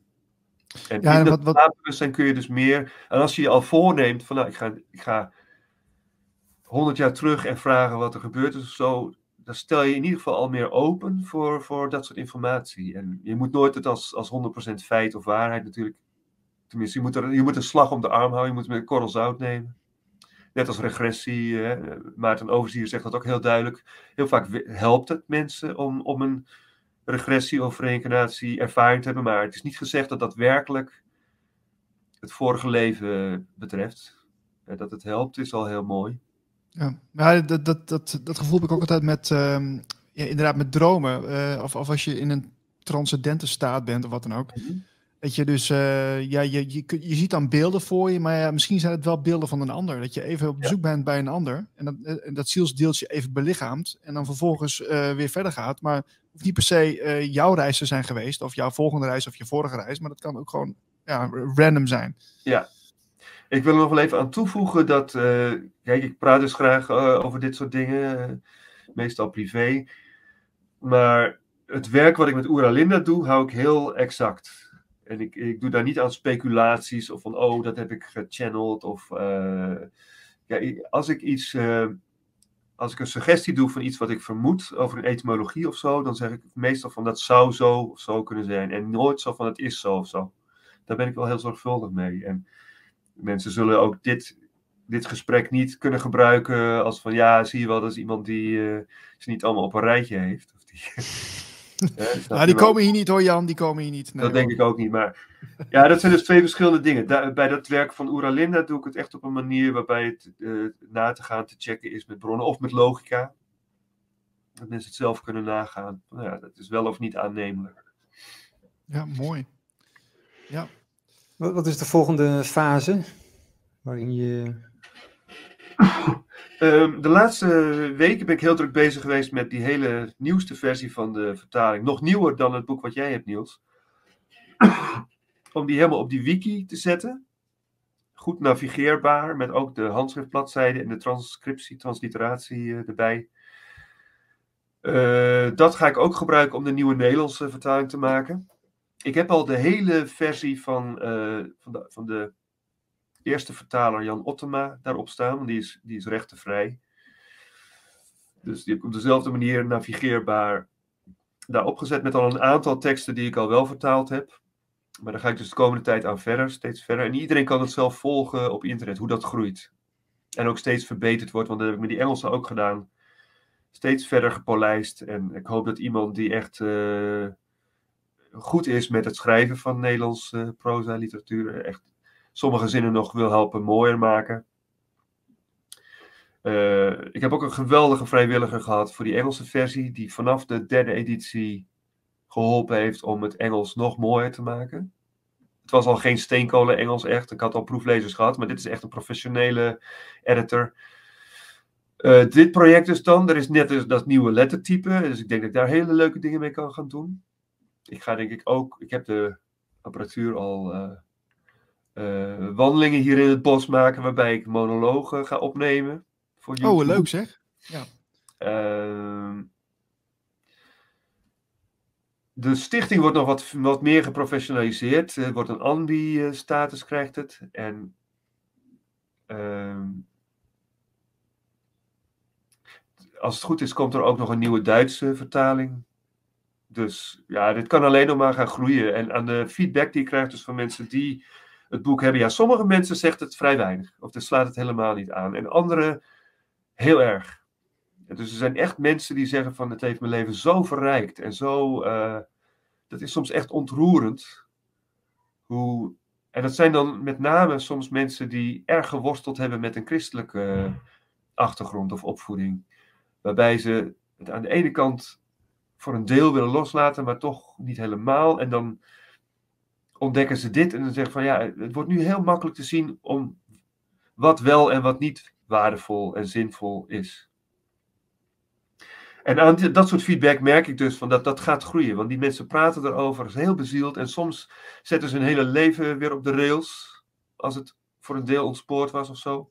Dat is wel een, heel mooi compliment dan. Ja, dat is prachtig. Dat is echt, uh, ik vind het ook een, een, een eer dat ik dit uh, mag doen. Ja, ik vind het echt ja. een bijzondere bijzonder lot. Wat me... Ja, dat geloof ik, ja. ja. Nou, je hebt ja. een hele mooie reis gemaakt al. En uh, wat, ik, wat ik gehoord heb. Uh, ik, ik hou nog even omhoog, Jan. Uh, Oerlinda Codex, voor de mensen die het nog niet gezien hebben. heel erg dank voor jouw tijd dat je even bij ons was in onze uitzending. Dit is trouwens ook onze laatste uitzending voorlopig. Voor de mensen die dat niet weten. Maar wie weet komt er nog een vervolg, dat weten we ook niet. Ehm, dus nogmaals dank. En ja. wie weet zien we je weer in, bij een nieuwe update. Ja, Merlijn, Niels, het was leuk dit gesprek. Ik ben benieuwd hoe het er straks uitziet. En eventueel, als jullie later nog wat dieper willen gaan, dan kunnen we altijd nog eens verder praten. Maar een fijne tijd vrij. En dankjewel. tot daarna. Oké. Okay.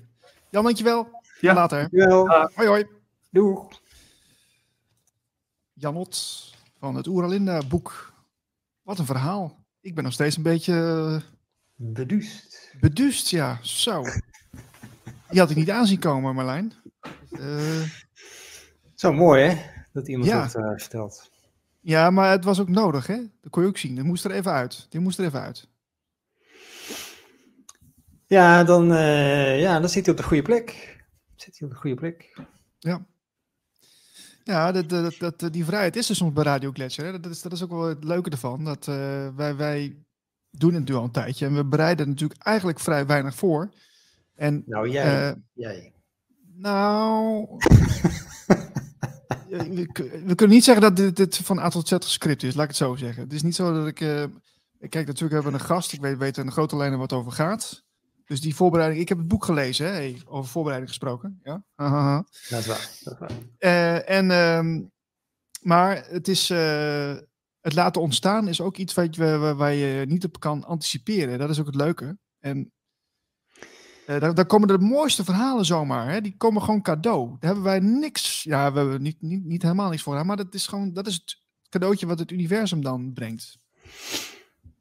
Nou, wat, wat, hij, wat Jan ook zei. Uh, hij had eigenlijk dan hè, op, dat beeld had ik ook al, toen hij dat zei, had ik al in mijn hoofd. Van, hé, dan moet je gewoon uh, in de natuur, hutje op de hei en dan uh, misschien met één of twee mensen erbij.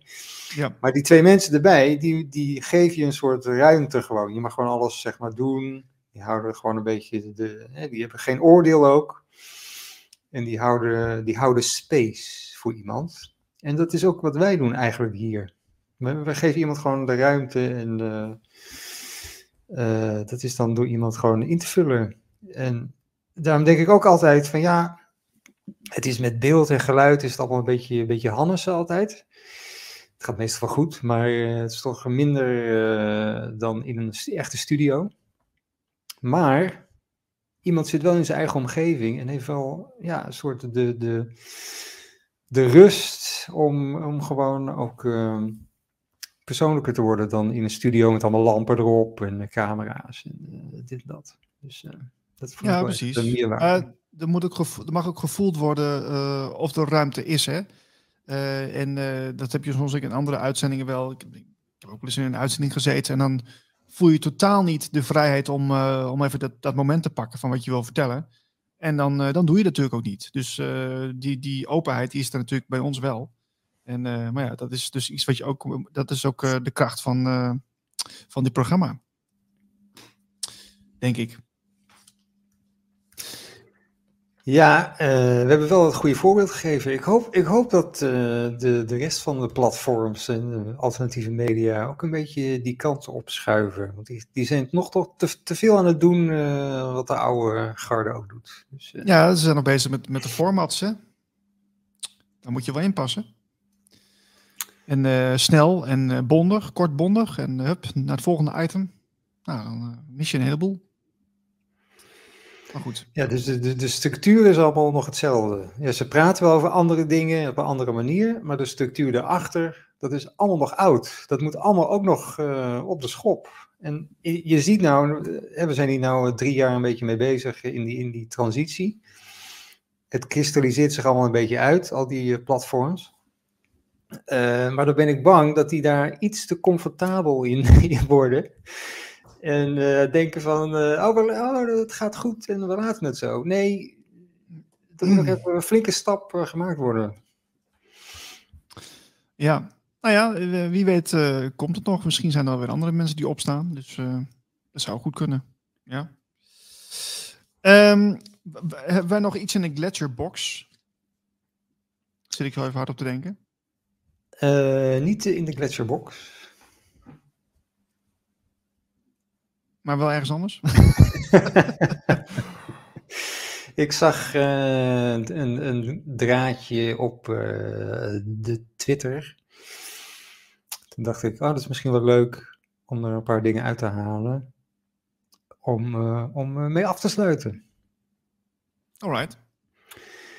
Dus dat is uh, van Cory Muscara. Die zegt: I meditated 15 hours a day for six months.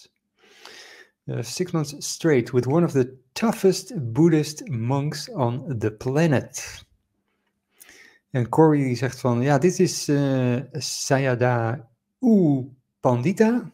He was notorious for his unwavering belief that enlightenment is possible in this life and his ruthless expectation that his students get there. We slept two to five hours a night, no reading, writing, or speaking. Lots of pain, lots of insight. Let's get into it. Dus hij heeft heel veel uh, ja, levenslessen daar uh, door dat mediteren geleerd.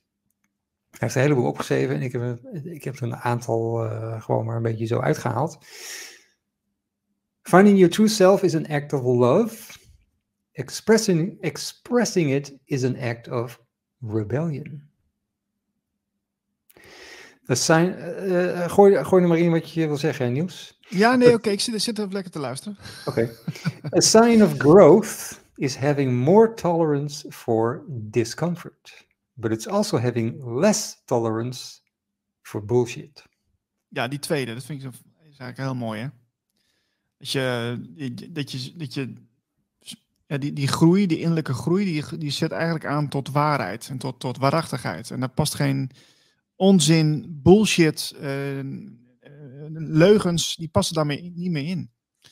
En dat, uh, dat is, maar als je dat dus, hè, die tweede is dan heel mooi en het is heel stoer in dan ga je overal tegenaan schoppen. Maar dan wordt het ook heel oncomfortabel, want dan lopen ook heel veel mensen lopen dan bij je weg. Die vinden jou dan te, je bent dan te extreem, je bent dan te, oh, je, je, je bent altijd zo serieus en je, je, je, je doet nergens meer aan mee. En je, je vindt niks meer leuk en nou, nou, nou, boehoe. Nou, en dan, dan is het moment waar heel veel mensen denken van, oh ja, ik ben inderdaad wel een beetje veranderd. Laat ik maar weer doen zoals daarvoor en dan hoor ik er weer bij. Nee, nee, ah, nee jongen, nee, je was net goed op weg. Hou dat vol. Dat is een hele belangrijke stap. Dus ik, ik, ik weet precies wat er staat. Who you are is not your fault, but it is your responsibility. Procrastination, dus uh, uitstelgedrag, is the refusal or inability to be with difficult emotions. Uitstelgedrag is, is, is ja, dus dan wil je dus niet bij die uh, moeilijke gevoelens, uh, daar wil je niet bij zijn. Ja. Oké. Okay. The moment before letting go is often when we grip the hardest. Dat is, dat is altijd wel iets wat ik ook uh, in meditatie voel. Dan heb je zo'n moment, en dat noem ik altijd het reflex, dat je de, bijna bent en dan schiet je terug. Omdat je dan die, ja, je, wil dat, dat vastgrijpen of zo. Van, ik, ik, ik wil niet loslaten, want dat is te eng. Ja, ik wil zeggen, dat is toch een angstcomponent? Dan, dan, dan, dan stel je voor dat je dan er wel bijna bent, dan, uh, nou, dan gebeurt er wat hoor. Nou ja, dat is dat ego dat bang is om, om dood te gaan. Hè? Ja. Dus dat, ja. You don't find your ground by looking for stability. You find your ground by relaxing into instability. Nou, dat is dus ook wel een mooie, want je moet er op een gegeven moment kom je er dus achter dat je het niet weet. En het is heel, oncom heel oncomfortabel voor mensen om uh, een modus te hebben van niet weten. Ik weet het niet. Want uh, hoe meer je informatie hebt over één specifiek onderwerp, hoe meer het achterkomt dat je eigenlijk helemaal niks weet. Tenminste, dat is mijn filosofie.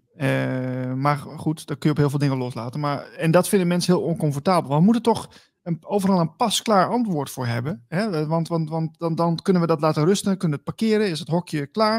En dan gaan we gewoon weer verder. Ja, dat is uh, dus inderdaad lekker in het niet weten. Dat is, uh, ja, dat is, eigenlijk is het rijkdom, zou je kunnen zeggen. Ja, dat gaat veel over instability en discomfort en zo. Dat je daar gewoon, uh, ja, gewoon eigenlijk heel relaxed mee omgaat. What you hate most in others is usually what you hate most in yourself. Nou, ik heb dus, uh, ik, dat heb ik dus wel ge, uh, geïntegreerd de laatste jaren. Dat, uh, dat ik, ik kom me vroeger heel erg erger aan mensen. Aan sommige, bepaalde types die heel dominant waren bijvoorbeeld. Hè. Dan, ik, mensen die dan kwamen de kamer binnen op een verjaardag of een andere sociale aangelegenheid. En dan, dan waren ze dus heel erg stoer of interessant en, en, en, en een groot het grote woord, weet je wel. En dan kon ik me altijd zo erg nou, gewoon, heb je hem weer, weet je wel. En nu nu heb ik het getransformeerd. Nu zie ik dat als iets wat leuk is. Hé, hey, wat leuk. Dat is gewoon iemand die leuke dingen vertelt. En ah, dat, dat, vind, dat, is, dat is zijn kracht. En, uh, en sommige mensen kunnen ook gewoon heel goed uh, dominant iets vertellen. Die zijn ook gewoon heel goed welbespraakt enzovoort. En in plaats van om daar dan zeg maar met afgunst naar te kijken. Want misschien was het wel afgunst. Misschien wel, wel, wel een soort van ja, verlangen. Gewoon zeggen, wauw, wat een mooie eigenschap. En dat, dat, dat heb ik dus kunnen transformeren. En dat, eigenlijk kan ik daar helemaal met een glimlach naar kijken. En ik van, ja, dat is zijn toneelstukje wat hij doet. Dat is toch leuk? Nou, en ik heb daar eigenlijk, door innerlijk werk te doen, uh, is het eigenlijk vanzelf gegaan. Dus ik heb er niet specifiek uh, over nagedacht of specifiek uh, mijn aandacht aan naartoe gebracht. Hm. Maar dat, dat, is ja, een soort innerlijk proces wat dat zo heeft getransformeerd. Wat zou je eigenlijk zeggen? Nou ja, dan zou je eigenlijk zeggen, ja, dat, dat, dat uh, heel erg expressief en ergens binnenkomen en de aandacht opeisen en zo. Dat, dat, dan zit er iets in jou dat zegt, uh, dat, dat mag je eigenlijk niet doen. Ja. Ik, ik, ik mag dat niet en dat mogen anderen ook niet. En dat is, dat is verkeerd of zo. Geen Mhm. aandacht vragen eh, voor jezelf. Maar dat is dus, ik, ik zie het ook wel eens bij, eh, bij mensen die dicht bij mij staan. Die dan, eh, ja, die zich dan, bij bepaalde types kunnen ze zich dan heel erg aan storen. En dat, dat zie ik dan. En omdat ik dus dat getransformeerd heb, ik weet wat het is om dat te ervaren. En om dat weer te, te herzien, hoe, hoe, hoe grappig dat is. En wat het eigenlijk over die persoon zelf zegt. Dus dat is een, Ja. natuurlijk een heel persoonlijk vraagstuk. Dus ik kan, ik kan dat zelf niet altijd invullen, omdat ik niet, die persoon niet altijd goed ken. Maar het is eigenlijk een heel mooie start van zelfonderzoek. Van hé, hey, wat, wacht eens even, ik ga hier helemaal op aan. Ik word, die man die, die, die vind ik zo bloedirritant. Nou, ga eens eventjes voelen, wat, eh, wat is dat? En, eh, nou ja, en je, kunt- je, je kunt er juist heel veel lol aan beleven als je mensen gewoon lekker hun gang laat. En, en eh, dat, dat de, grap eigenlijk de grap daarvan inziet, de, de, de, de fun. Want dat is, ik, ik kan nou gewoon lachen. Ik kan eigenlijk om iedereen lachen. Introverte mensen, boze mensen, eh, intellectuele mensen, mensen die zich heel belangrijk vinden. Vind ik ook gewoon heel leuk om te zien. Nou, wat leuk dat hij dat denkt. Prima. Maar ik heb er verder, ja, laat het gewoon lekker gaan. Nou, je kan, wel, je kan wel als iemand dus zegt, want dat heeft hij dus zelf waarschijnlijk niet door, maar als iemand zegt van, eh, ja, ik heb een hekel aan dat of een hekel aan die, die persoon, dan denk ik alleen maar, oké, dat zegt dus iets over jou. Je, je laat jezelf heel erg zien nu eigenlijk, terwijl je denkt van niet. Ja, precies. Ja, ja. Nou, dat, sta- dat staat er ook eigenlijk, hè? Ja. There is no set of conditions that leads to lasting happiness. Lasting happiness doesn't come from conditions, it comes from learning to flow with conditions. Real confidence looks like humility. You no longer need to advertise your value because it comes from a place that does not require the validation of others. Negative, negative thoughts will not manifest a negative life, but unconscious negative thoughts will. Ja, ook een leuk, hè? Die, eh, die negatieve gedachten. Lekker observeren. Dus ik had het. eh, En als je, het, eh, als je daar dan van bewust bent, dan worden ze ook minder. Hè? Dat is heel grappig. Dan ga je eh, door, dus, door dat te zien, dat inzicht te hebben, dan eh, word je bewuster. En eh, ja, dan kun je zeggen, word je lichter, word je verlichter. Om het maar even vrij te vertalen. En dat is natuurlijk wel een beetje zo. En eh, we zijn natuurlijk allemaal al verlicht. Maar ja, het, het zijn van die handige dingetjes waar je op kan letten om eh, wat, wat bewuster eh, door het leven te gaan. Ja, die, die negatieve gedachten, als die dan, dat zijn een soort vliegjes. Ja. En die vliegjes die vinden het niet leuk als je ze aankijkt. die zijn meteen weg. Ja, maar ik, ik, eh, ik kan ook genieten van eh, oordelen soms hoor. Ik, ik, ik moet dat ook eerder toegeven. Soms zit je met iemand in een gesprek en eh, dan merk je bij jezelf op, hé, hey, ik ben nu aan het oordelen over iemand. Ik ben nou iets aan het zeggen over, diegene. En dat komt dan ook zomaar uit het niets. Dat, dat, dat vloept er zo uit. En dan denk ik van, oh ja, dat deed ik net ook. Ik ben aan het oordelen. Ik, ben, ik vind iets van een persoon wat ik niet zo leuk vind bijvoorbeeld. Dus dat is, is nog steeds wel aanwezig. En ik kan er ook van genieten. Ja, Net zoals dat je per ongeluk een zak chips leeg eet. Ja, daar daar kan ik ook wel eens van genieten. Dat doe ik ook niet vaak, maar het kan, het kan gebeuren. Of een biertje drinkt. maar weet wel wat je doet. Daar gaat het even om. Hè? Het is niet zo dat je dat eh Ja, geen structuur van maakt. je kan eh, per ongeluk een zak chips opeten. Gewoon, eh, gewoon per ongeluk. Ja, dat kan. Eh, ik hoorde laatst van iemand die, eh daar zijn managers voor, hè, van de eh, chips. hoe, hoe je dus zo- ervoor zorgt dat mensen steeds meer chips pakken uit de zak. De, de rating, zeg maar, de, de, de, de frequentie. Hoe je ervoor zorgt dat je de chip zo lekker maakt, knapperig maakt. En ook en- en- en- dat mensen dus steeds vaker die, in die zak grijpen. Dus dan is er één, blijft niet bij één hapje. Ja, daar worden hele studies naar gedaan. Ja, nee, dat is, dat is waar, ja. ja. Even, leuk hè, zo'n zijtak. Dat kan ook bij Radio Gletscher. Gaan we over chips praten. To feel more joy, open to your pain.